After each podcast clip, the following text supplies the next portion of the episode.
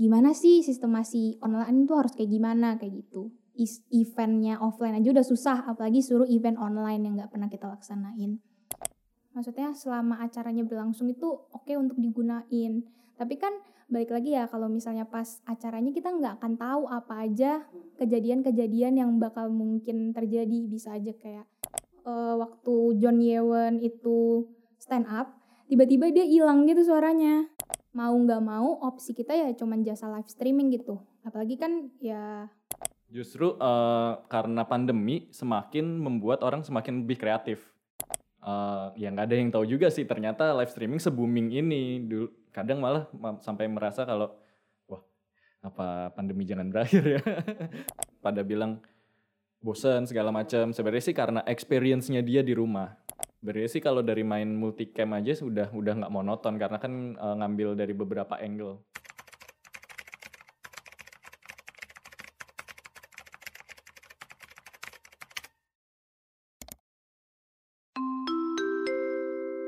Memasuki dunia digital eksklusif di Spotify.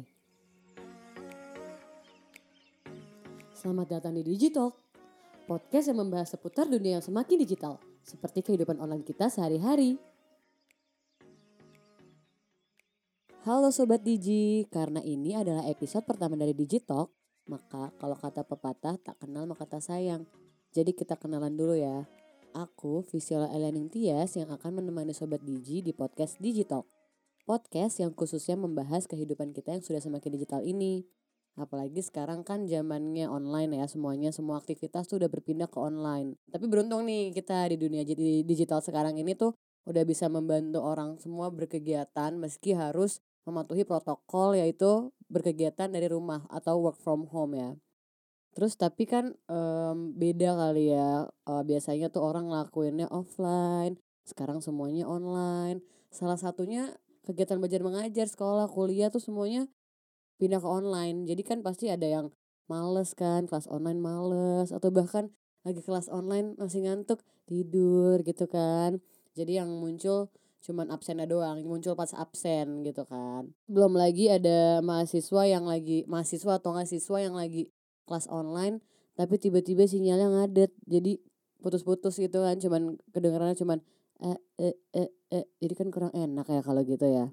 Atau bisa juga tiba-tiba lagi belajar atau lagi kerja kelompok lagi meeting tiba-tiba lost connect koneksi internetnya eh, hilang uh, gitu kan.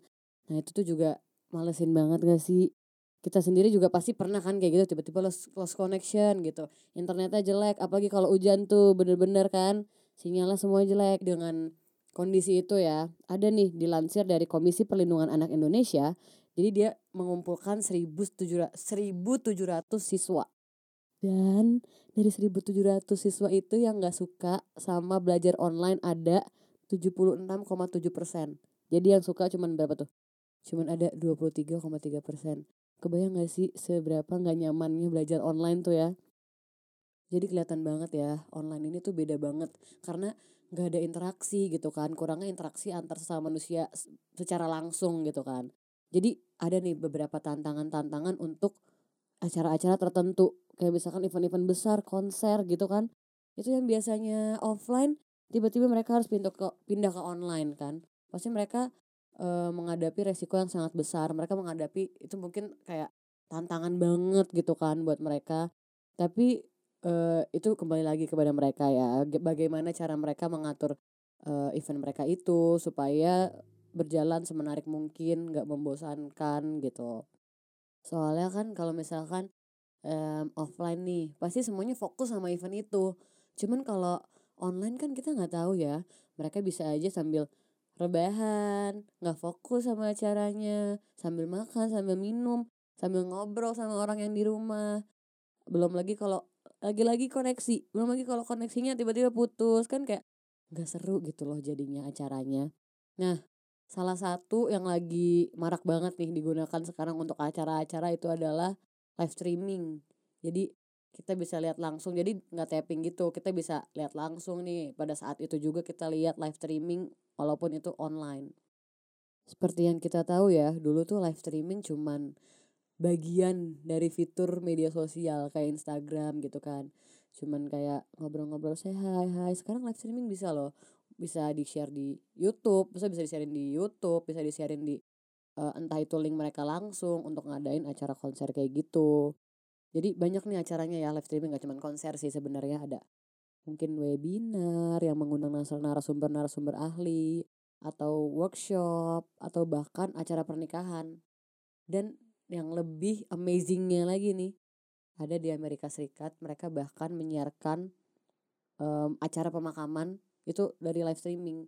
Jadi karena harus uh, physical distancing kan. Jadi acaranya tuh disiarin melalui live streaming. Jadi di teras rumah dukanya itu dipasang layar semacam layar tancap gitu. Terus orang-orang yang menghadiri acara tersebut melihatnya dari mobil mereka di tempat parkiran mereka masing-masing.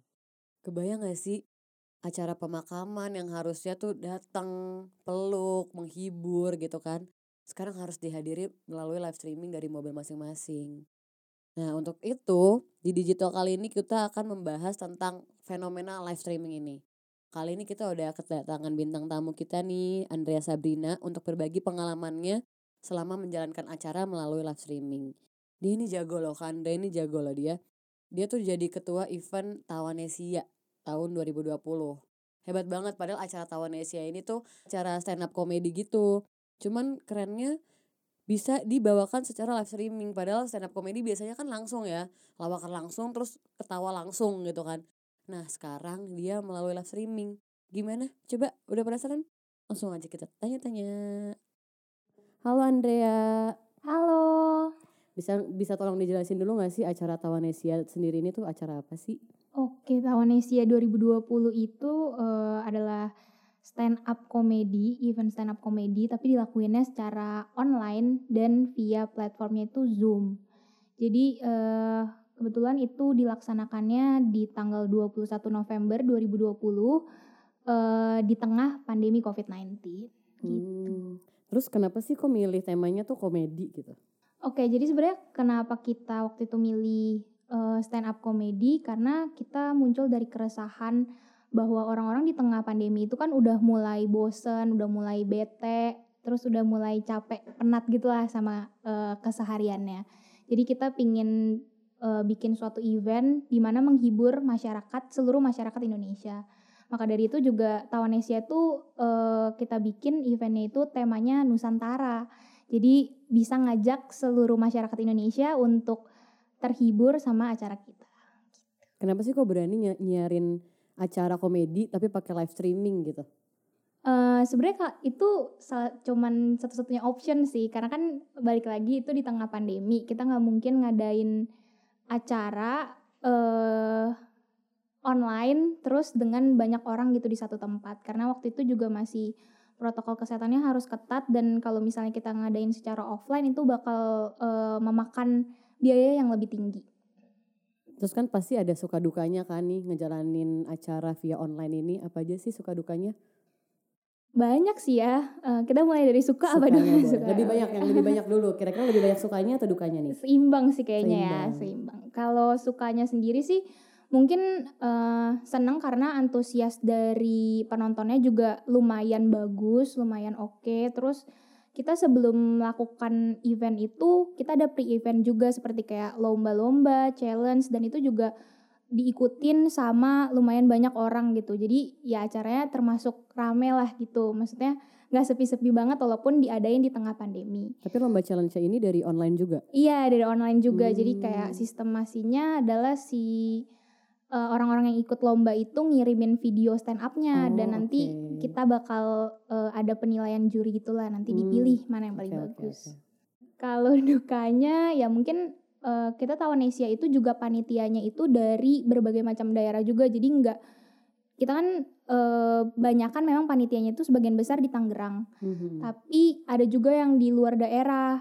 jadi kita oh. tuh benar-benar ngelaksanainnya itu waktu hari H tuh semua online jadi benar-benar nggak ada panitia yang ketemu itu tuh itu sih dukanya karena kita juga jadi eh, nggak uh, bisa mempererat apa ya chemistry satu sama gitu lain ya. bonding satu hmm. sama lain terus uh, koneksi masalah koneksi sih itu juga parah kayak kita nggak bisa tahu nih kapan kayak lagi ngadet-ngadetnya gitu hmm. kapan uh, misalnya ada aja yang koneksinya lagi jelek saat itu itu sih yang paling eh, menjadi dukanya kalau misalnya kita ngadain event online Gimana sih nih perasaan kamu? Dulu kan semuanya offline nih gampang gitu.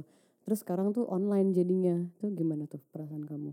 Eh, waktu awal-awal sih susah banget ya Susah. apalagi pas kita dibilang eh, itu kan event mata kuliah di semester 5 kita tuh udah mikirnya kayak oh nanti kita semester 5 bakal bikin event itu offline. Jadi kayak udah kebayang banget nih kita mau bikin kayak gini kayak gini kayak gini. Tapi ternyata corona terus kita kayak benar-benar dipaksa untuk cari cara cari ide gimana nih biar si event ini tetap berjalan dan tetap eh, mencapai goals yang kita mau gitu.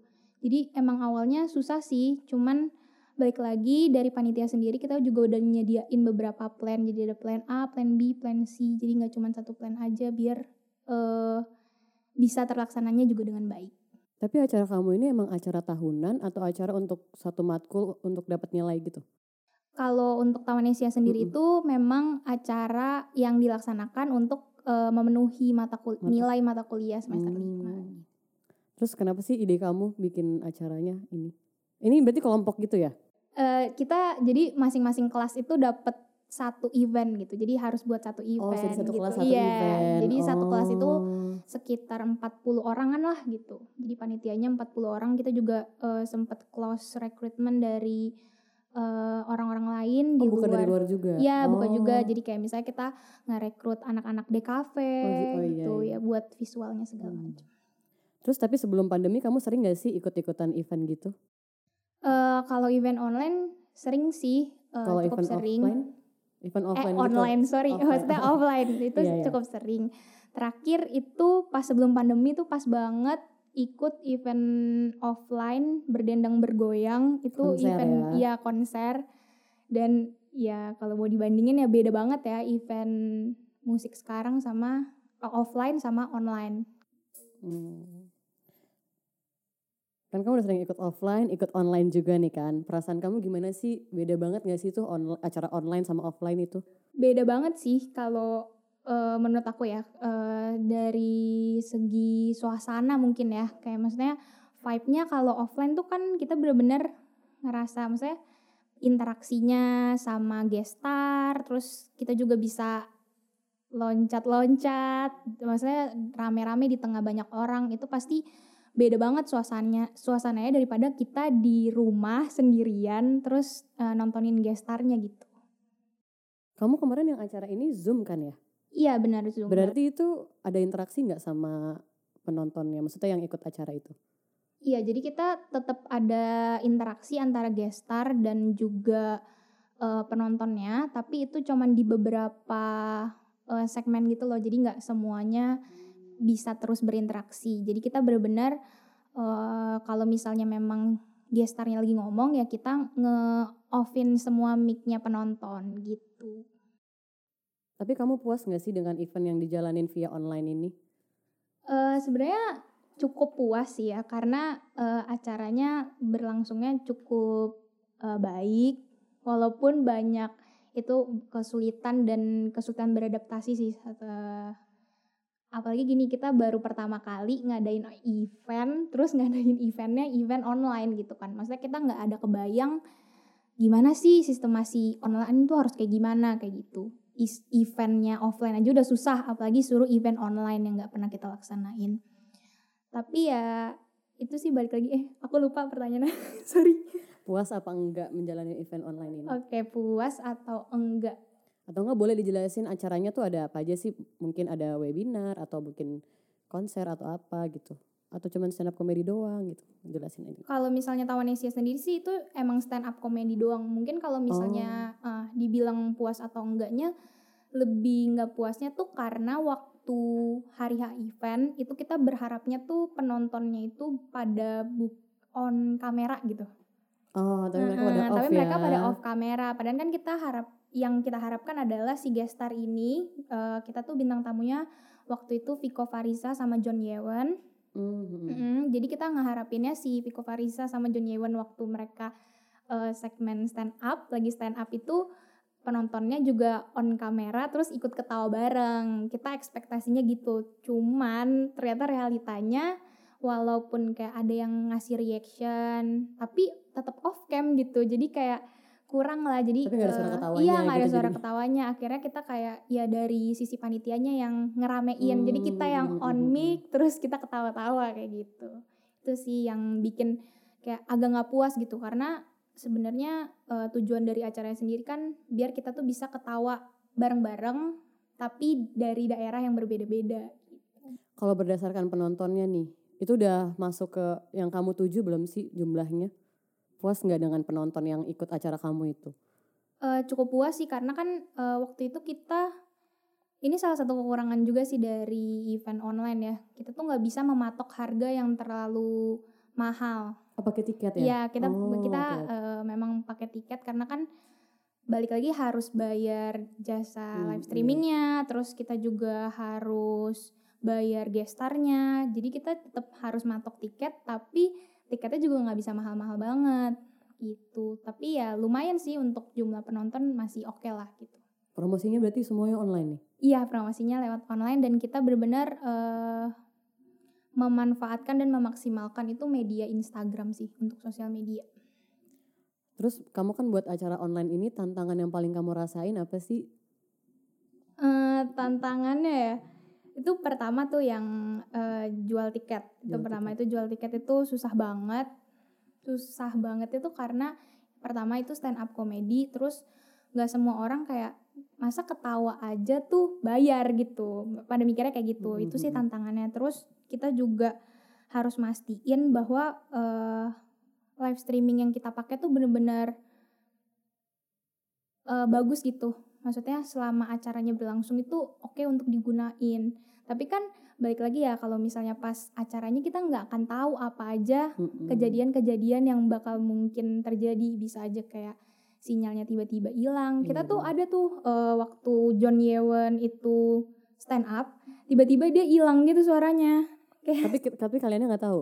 kita, kita tahu semuanya kayak jadi diem gitu Oh. awkward di tengah-tengah acara kan jadi kayak itu salah satu yang kayak aduh tiba-tiba dia hilang gitu sinyalnya koneksinya hilang tapi itu kan salah satu yang emang tidak bisa terprediksi kalau di event online gitu karena si John Yewennya itu juga nggak bareng-bareng sama panitianya Oh, Beda berarti tempat. dari rumah sendiri-sendiri semuanya. Bener-bener nggak ketemu tuh. bener-bener nggak ketemu sama sekali Sama komikanya pun panitianya Enggak. nggak. Oh, jadi Bener-bener. bener-bener nge-shoot dia dari Iya, rumahnya dia sendiri. bener-bener. jadi dia eh, pakai ini sendiri zoom sendiri Oh. Jadi Viko Farisa pakai Zoom sendiri, John Yewen juga pakai Zoom Zoom-nya dia sendiri. sendiri. Iya. Jadi benar-benar kita eh, waktu itu tuh komunikasinya cuman lewat WhatsApp gitu untuk kayak ngasih tahu jamnya. suaranya dan segala kendalanya Iya, juga semua dari WhatsApp. Bener-bener. Jadi Iya, itu sih yang bikin susah. ya. Terus emang tantangannya juga kita harus lebih siap banyak plan sih, kayak plan Iya, A, bener. plan B, plan C. Jadi kayak kalau kita mau plan A nih gagal, oke kita ganti plan kayak gitu-gitu. Bener-bener. Tapi kira-kira nih ya, kalau misalkan pandemi udah selesai nih, kamu masih mau gak sih menggunakan jasa live streaming? Hmm, kayaknya kemungkinan besar sih enggak kali ya. Karena tetap aja kalau misalnya bikin event paling enak gitu ya secara offline gitu biar si penontonnya dan gestarnya sendiri tuh juga benar-benar bisa saling terkonek. Karena susah juga kalau misalnya kita online gitu kendalanya juga lebih banyak. Walaupun ya eh ya lebih banyak menurut aku pakai online itu lebih banyak kontranya di sini walaupun ada pro-nya juga. Mm-mm. Tapi menurut kamu eh, menggunakan jasa live streaming itu sesuatu yang menguntungkan dan dibutuhkan gak sih? kalau di masa pandemi kayak gini yang kita harus beradaptasi dengan sangat cepat pasti dibutuhkan banget karena mau nggak mau opsi kita ya cuman jasa live streaming gitu apalagi kan ya eh, maksudnya kayak banyak seniman-seniman juga kayak komika ataupun eh, musisi itu juga butuh nyelenggarain event gitu untuk tetap Bener. Eh, apa menghidupi karyanya gitu jadi ya mau nggak mau pilihannya tetap menyelenggarakan event tapi online Iya benar-benar. Terus eh, acara kamu ini berapa lama? Berapa maksudnya da- acara hari hanya itu tuh berapa lama? itu tuh cuman kayak berapa jam ya satu jaman aja Ada nggak sih komplain-komplain? Ada nggak yang datang tuh kayak komplain-komplain tentang acara kamu, tentang apanya kayak gitu-gitu kalau komplain sih ya itu karena sinyal itu dari gestarnya juga yang tadi aku juga udah sempat mention. Jadi eh, sempat beberapa kali eh, kayak hilang gitu. Terus sempat ada ini mic bocor. Jadi mic Oh. bocor dari panitia gitu kayak panitia tiba-tiba suaranya masuk kayak ngasih tahu eh ini eh, gestarnya udah siap gestarnya udah siap. Terus jadi tiba-tiba dia teriak gitu. Jadi kayak Oh. semuanya lagi diem terus tiba-tiba mic-nya dia bocor dan itu itu sih susahnya juga event online kita susah ngekontrol hal-hal kayak gitu Tapi kalau tadi kan komplain nih hal negatif lah. Kalau pujian-pujiannya apa aja sih yang kamu dapetin? Mungkin kalau pujiannya sendiri itu yaitu karena kita bisa eh, menyelenggarakan berhasil menyelenggarakan eh, si stand up comedy ini secara online dan eh, sebenarnya tergantung sama gestarnya juga kali ya. Jadi gestarnya itu pembawaannya juga oke, terus juga humornya masuk nih sama eh, penontonnya.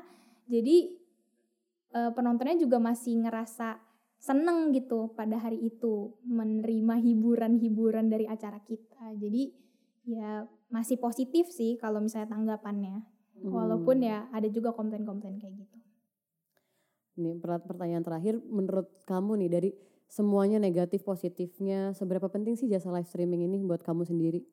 Kalau menurut aku sih penting banget eh, kalau kita di era pandemi kayak gini, apalagi kalau misalnya kita eh, ke depannya kan kita nggak tahu nih pandemi sampai kapan. Maksudnya kita nggak bisa prediksi. Jadi pastinya nanti kalau menurut aku sih jasa live streaming juga pasti bakal terus mengimprove eh, kualitas jasanya dan akan semakin bagus. Jadi pastinya kita juga yang menggunakan eh bisa makin puas juga sih. Nggak mungkin cuman kayak gini aja gitu. Pasti kendala-kendala yang tadi bakal jadi ada solusi juga ke depannya. Hmm, Oke, ada nggak sih kamu punya nggak sih tips-tips buat para pengguna jasa live streaming?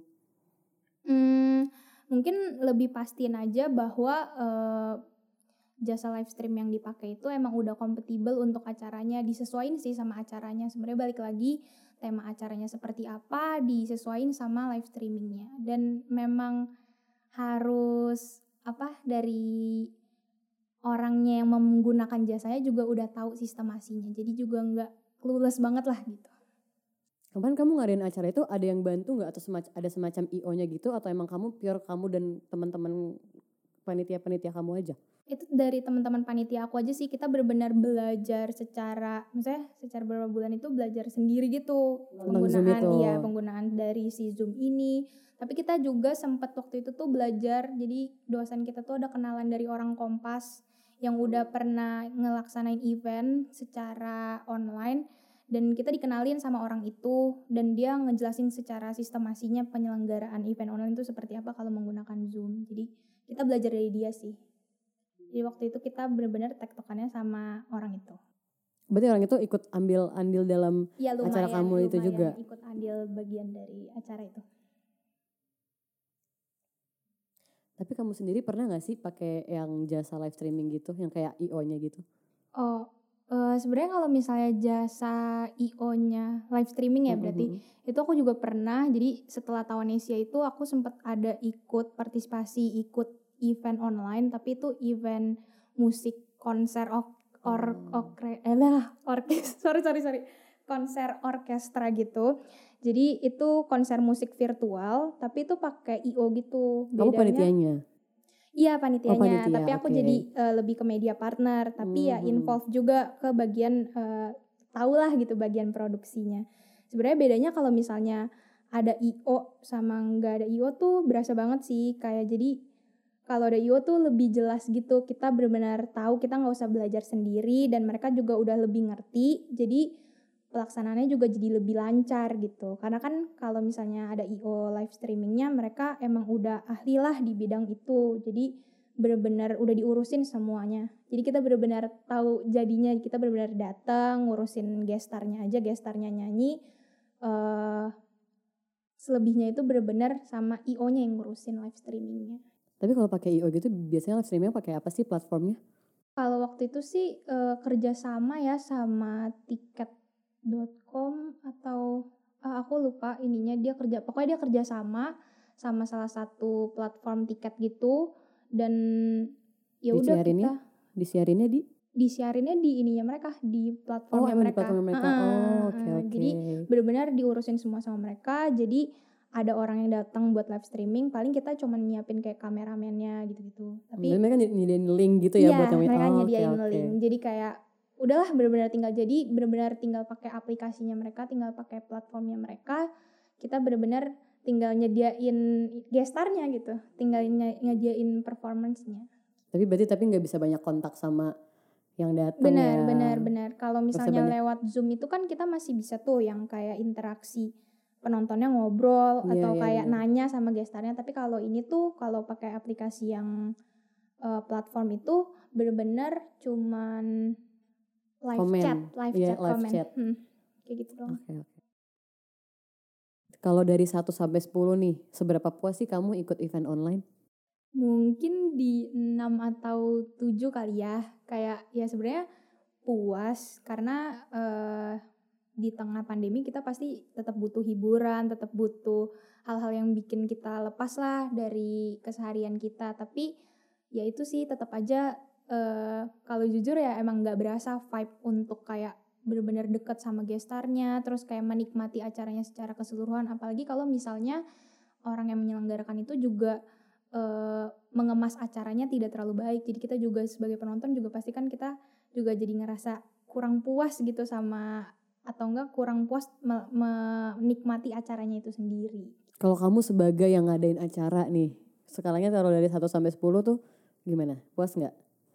6 kali ya. 6 ya.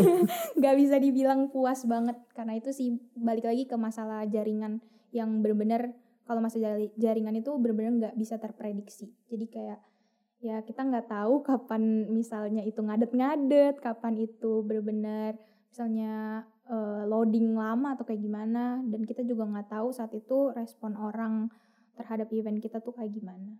Gitu sih. Oke. Thank you Andrea. Oke, terima kasih juga. Wah, canggih banget ya Andrea. Karena dia udah berbagi pengalamannya di Digitalk, kita jadi tahu nih gimana caranya ngejalanin acara yang harusnya offline jadi online. Itu emang harus perlu persiapan yang matang ya. Kalau enggak, aduh nggak tahu deh. Kayak bakal susah banget ya.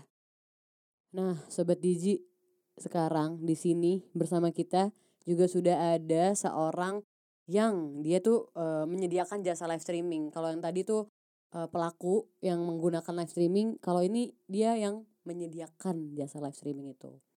Dia adalah Devin Yulianto, sosok muda yang cukup berani nih dia mengambil peluang bisnis ini, yaitu jasa live streaming. Dia adalah pendiri dari Divine Pro. Meskipun banyak ya komentar-komentar yang bilang kalau online itu nggak lebih baik dari kegiatan offline, kurang efektif, monoton, apalah banyak banget pokoknya alasannya.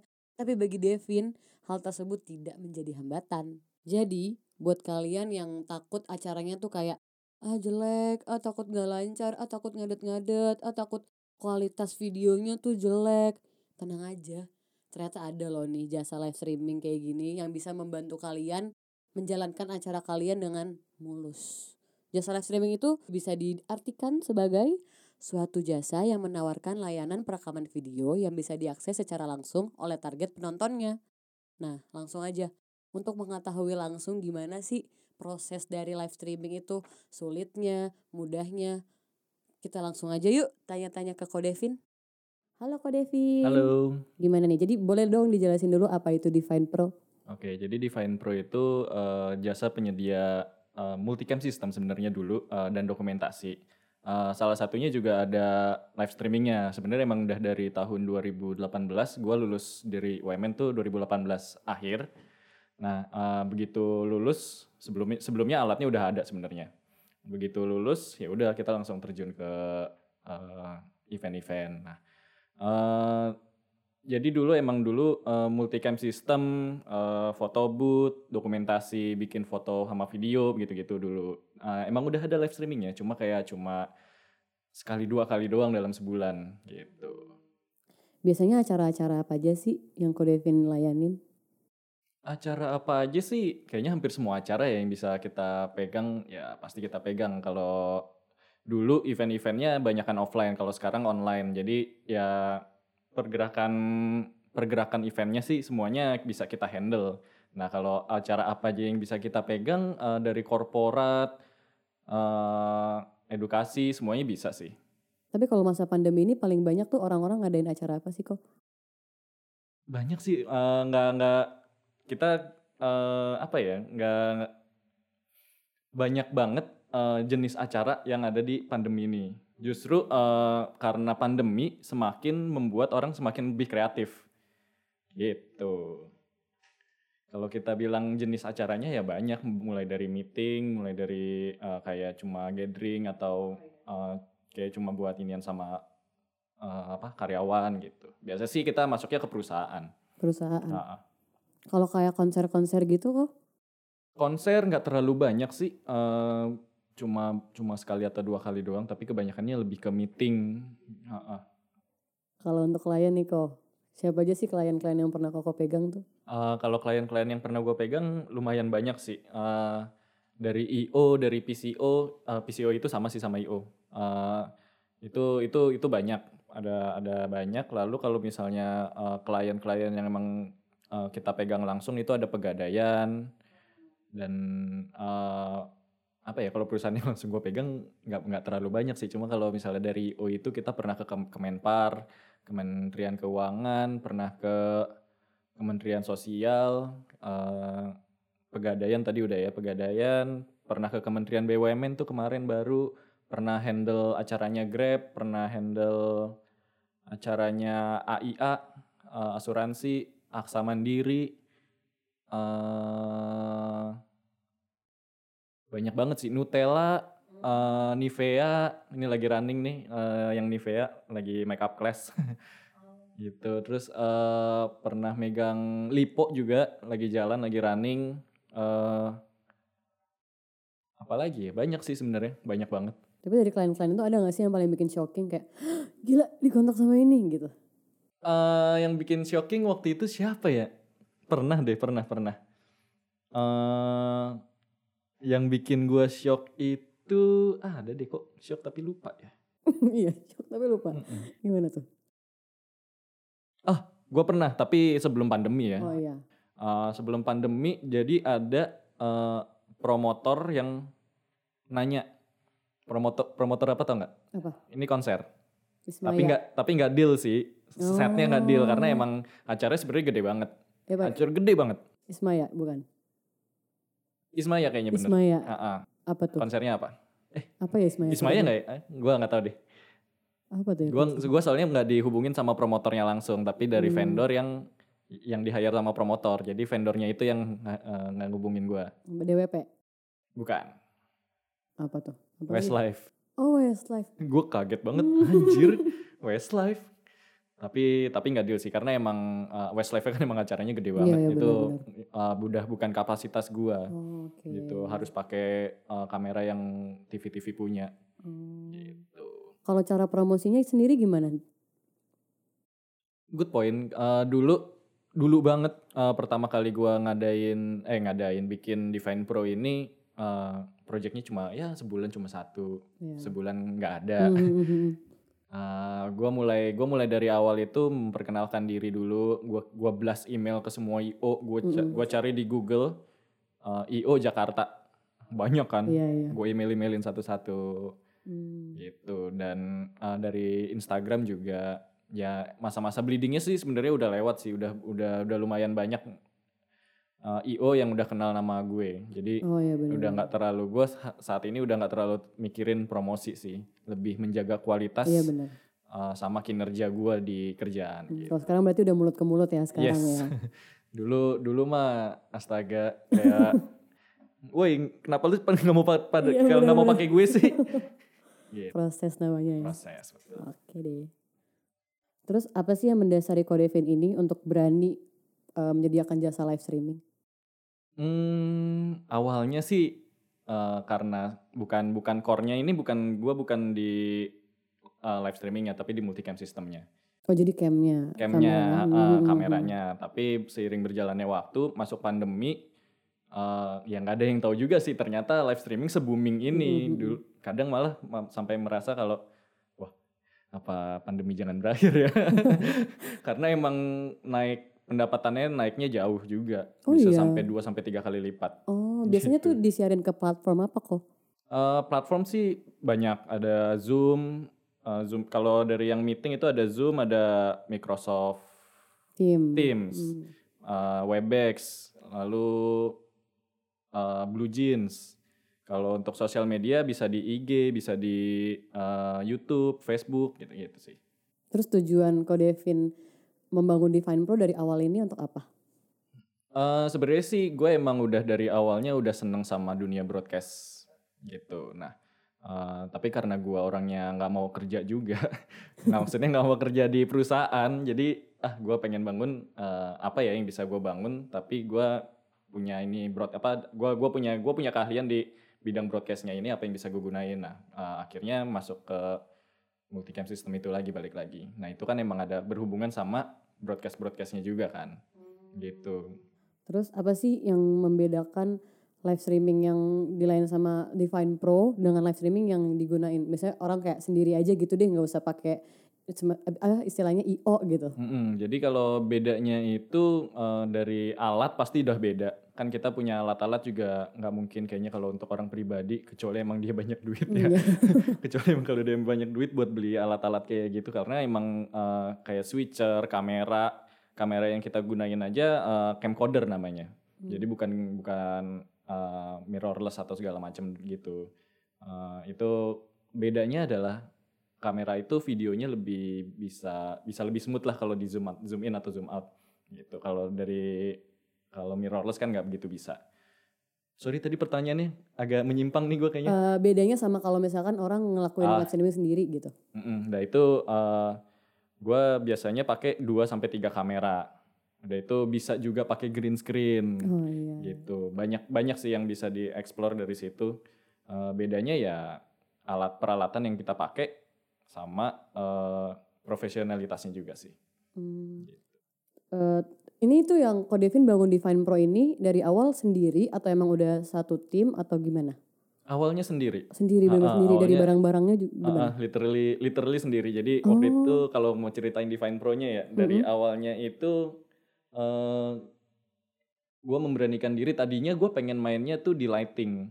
Oh, lighting, ah, ya. kalian tahu kan yang ada kalau lagi di konser-konser ah, iya, iya, iya. kamera apa lighting-lighting bergerak segala macam. Awalnya itu. Oh. Cuma setelah gue lihat-lihat lagi, gue udah bikin proposal tuh. Jadi gue ngajuin dana ke bokap buat Oh. buat buat minjem duit Iya, iya, ya iya. kan cari modal dulu nah eh, dari situ ternyata pas lagi di tengah-tengah padahal proposal udah jadi untuk Mhm. gue mau bikin lighting segala macam tapi oh kayaknya lebih bagus ini deh gitu jadi gue ganti ganti bisnis plannya masuk ke dunia broadcast yang ini multicam system dan segala macam gitu Hmm, Terus tim awalnya kok tim awalnya tuh siapa?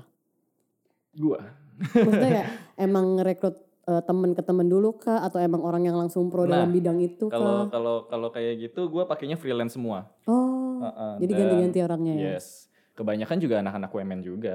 Uh, Hmm. Yang gua kenal kan anak-anak WMN TV ya. Iya, Jadi banyaknya anak WMN TV sih yang freelance sama gua.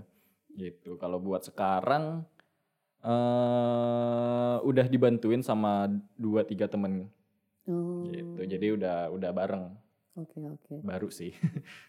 Terus dari Kodevin eh, nyari live streaming gini, menurut Kodevin tuh orang-orang pada suka gak sih, disukai masyarakat gak sih live streaming ini?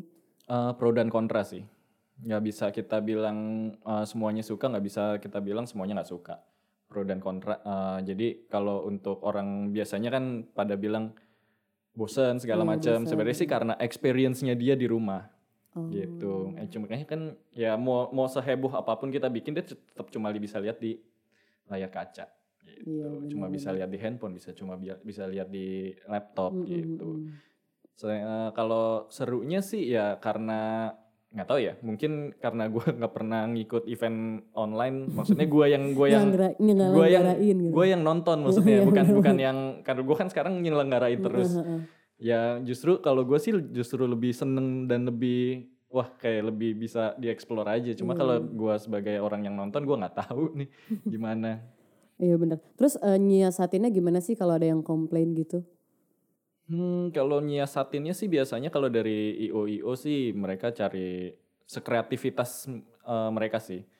Sekreatif, sekreatif mungkin mereka bisa explore eh, live streaming ini buat eh, experience si apa si audiensnya itu berbeda gitu. Tapi di Vine Pro ini biasanya cuman kayak ngerekam atau yang apa membangun maksudnya yang ngedein acaranya, ng- ngatur acaranya, Tergantung alurnya. kalau itu tergantung dari klien sih. Kalau Oh, klien gitu. mintanya emang konseping dari awal ya kita bantu. Cuma kalau misalnya mereka udah punya konsep, punya rundown, punya segala macem ya kita berarti cuma punya dia jasa alatnya doang sama Hmm. manpowernya ketika lagi uh, eventnya.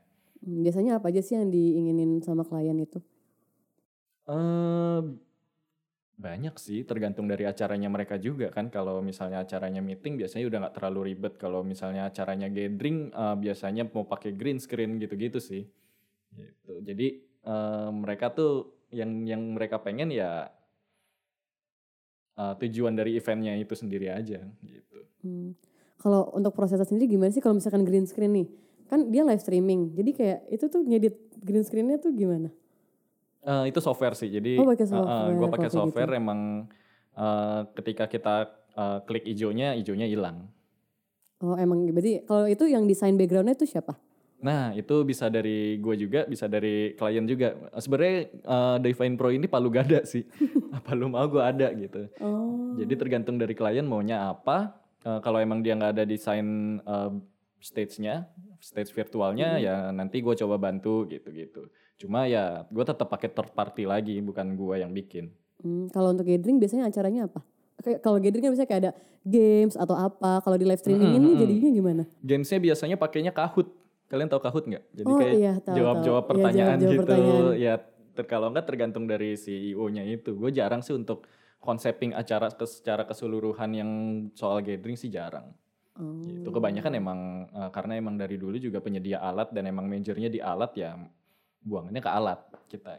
Hmm. Kalau misalkan meeting nih, kalau meeting itu berarti Ko Devin eh, nge-shootnya satu orang atau gimana kalau meeting? Nah, tergantung juga itu kalau meeting. Kalau misalnya meetingnya cuma eh, MC-nya doang di eh, studio, Mm-mm. sisanya dari Zoom. Nah, dari Zoom itu yang kita tarik mukanya buat dijadiin satu frame.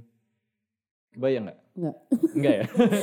jadi jadi eh, biasanya ya, biasanya kita kalau di eh, FOH itu, FOH itu eh, studionya. Oh studio. Gitu kalau kita di studio biasanya laptopnya banyak tuh berjejer.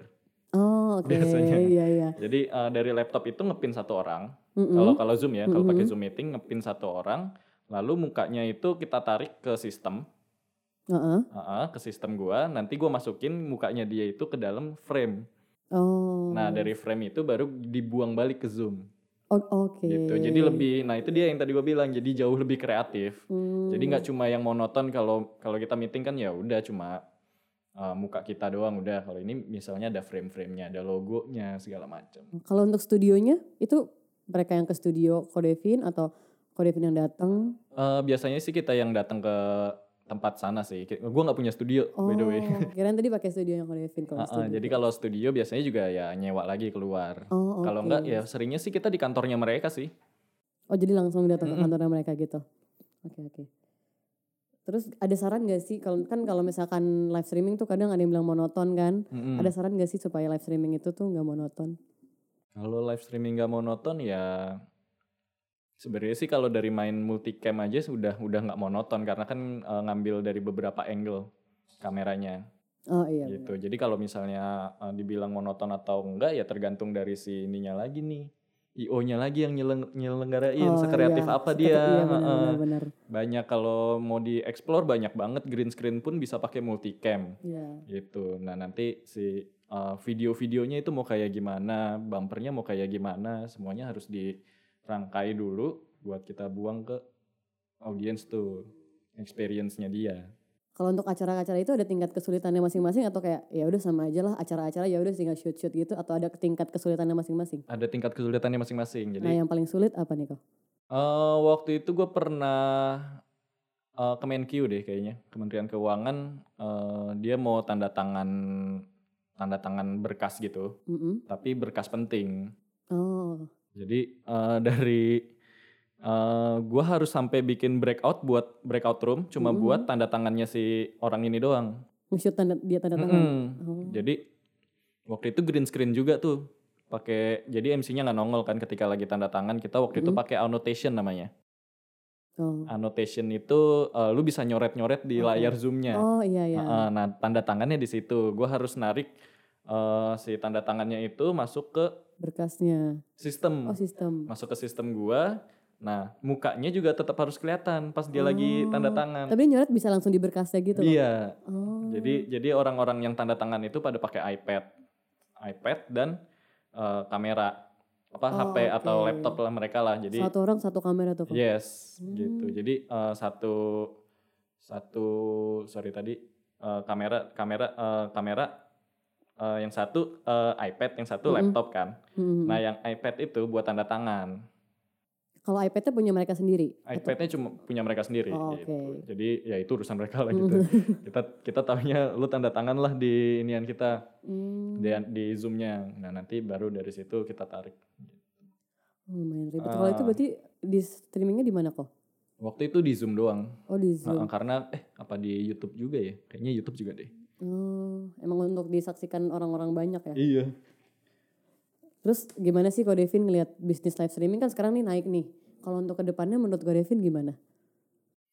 Nggak akan mati sih. Nggak akan mati. Kalau live streaming ini emang jauh menghemat eh, menghemat dana biaya. Oh ya? Iya, walaupun eh, nilai-nilai invoice-nya tinggi, tapi nggak akan nggak akan setinggi offline. Oh gitu. Iya dong, Kalau karena peralatan yang dibutuhin itu lebih banyak offline atau online kok? alat yang dibutuhin banyak kan offline sih. Offline ya. Heeh, makanya kayak misalnya eh, misalnya gue punya acara harus datengin orang-orang dari luar kota ke sini, Mm-mm. itu kan cost, Oh iya benar ya Ya kan? offline ya. makannya cost. Mm-mm, mm-mm. Ya kalau gue cuma live streamingin doang, ya udah, cost cost keluarnya itu bisa ditekan. gue cuma gue cuma bayar alat, eh, orang-orang udah nggak perlu dateng, udah nggak perlu gue sediain akomodasi, udah nggak perlu gue sediain konsumsi. Ya udah, jadi jauh lebih menghemat sebenarnya. Makanya gue rasa sih bisnis ini juga nggak bakal mati. Orang bisa menghemat eh, biaya ini bisa jauh banget gitu. Tapi pernah kok yang di luar kota gitu pernah? Pernah. Gue sejauh ini paling jauh eh, anak-anak turun ke Medan waktu itu. Gue juga gak ngerti sih sebenarnya kenapa harus ke sana. Oh, waktu itu ke Kemenpar, Hmm, Kementerian Pariwisata, eh, mereka sosialisasi. Cuma mau di live streamingin Oh oke. gitu, sosialisasi. eh, jadi hybrid sih waktu itu. Ada Mm-mm. orang datang dan eh, ada live streamingnya. Tapi kalau misalkan acaranya antar kota gitu berarti mereka pakai Zoom mereka sendiri. Eh, kalau Zoom itu ya tergantung dari kliennya sih. Kalau emang mereka ada ya monggo. Kalau emang nggak ada ya gue sediain. Oh. gitu. Tapi kalau misalnya kalau untuk tambahan eh, banyak kan ada si Zoom ini kan kalau yang premium kan cuma tetap cuma bisa 100 orang kan Oh, masuk gitu. ke dalam meetingnya. Cuma kalau mau di atas itu ya harus nambah lagi. Karena gua harus nge-upgrade juga ke Zoom-nya. Oh tapi bisa ditambah lagi. Bisa sampai berapa ya? Zoom itu sampai 1000 apa 2000 gitu. Ada gitu kok yang sampai acaranya sampai 2000 orang di Zoom. Oh ya? Ada. Ya apalagi kalau dulu kita ngepin kan apa mau mau ngambil muka gitu. Iya iya. Eh, ngepin-ngepin gitu harus cari namanya.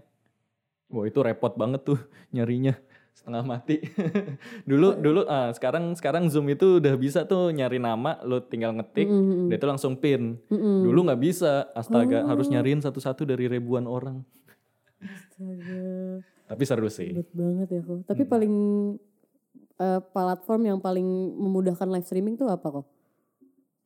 Platform yang paling memudahkan live, yang yang paling mudah di live streaming kan kali ya. Mm-mm. Eh, semuanya mudah sih asik. Maksudnya kan kalau misalkan kayak Zoom nih bisa banyak nih. Kalau Mm-mm. misalkan Microsoft Team kan kayak cuma bisa empat Eh, ya kalau nggak salah kalau kayak gitu platform kan. meeting, kalau platform meeting sih paling enak Zoom sih sejauh Zoom ini. ya? Ah, ah, dibanding kayak Webex atau Teams tadi atau Mm. Google Meet eh, jauh lebih enak sih itu Zoom. Kalau yang selain meeting, YouTube biasanya ya? Apa sih biasanya? Mm-mm. Tetap tetap sih paling enak YouTube kalau gue ya. YouTube sama kalau IG repotnya adalah dia portrait ya kan dia dia nggak bisa yang landscape tetap Hmm. Oh harus iya, gua bikin portrait jadi gambarnya harus gua potong segala macam harus gua edit lagi langsung di live streamingin Ada nggak yang kok Devin mau sampein ke kalayak yang menggunakan live streaming untuk eventnya di live streaming gitu?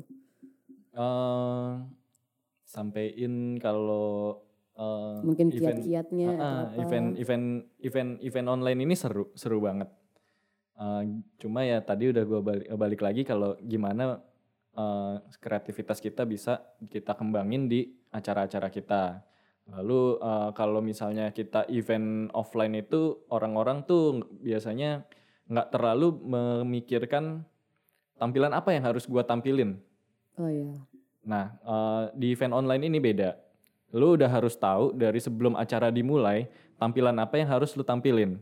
Tampilan apa yang mau ditampilin. Jadi udah jadi nggak sembarangan. Kita soalnya kalau kita biasanya di eh, event, kita harus nge-layout dulu frame-nya tadi tuh yang gue bilang kalau misalnya orang mau ditarik muka orang mau Hmm, ditarik iya, itu iya. itu mau ditaruh mana, lalu presentasinya mau ditaruh di mana gitu-gitu. Jadi eh, jauh harus lebih dibilang kompleks kayaknya tingkat tingkat kompleksnya hampir sama. Cuma lebih simple aja kalau Hmm. online. Karena kan kalau offline kan kayak gede megah banget gitu kan. Mm-mm. padahal kalau kita online ya peralatannya jauh lebih simple. Cuma tingkat eh, tingkat tingkat kesulitannya hampir sama. Tapi lebih berarti lebih main ke desainnya ya kalau iya online betul itu ya. Ha-ha, main main ke desainnya biar experience orang tuh berbeda Iya benar-benar. gitu. Jadi ya untuk orang-orang yang mau ngadain event offline harus punya plan dari awal. Online, offline. On- eh online. Tadi gue bilang offline ya. offline.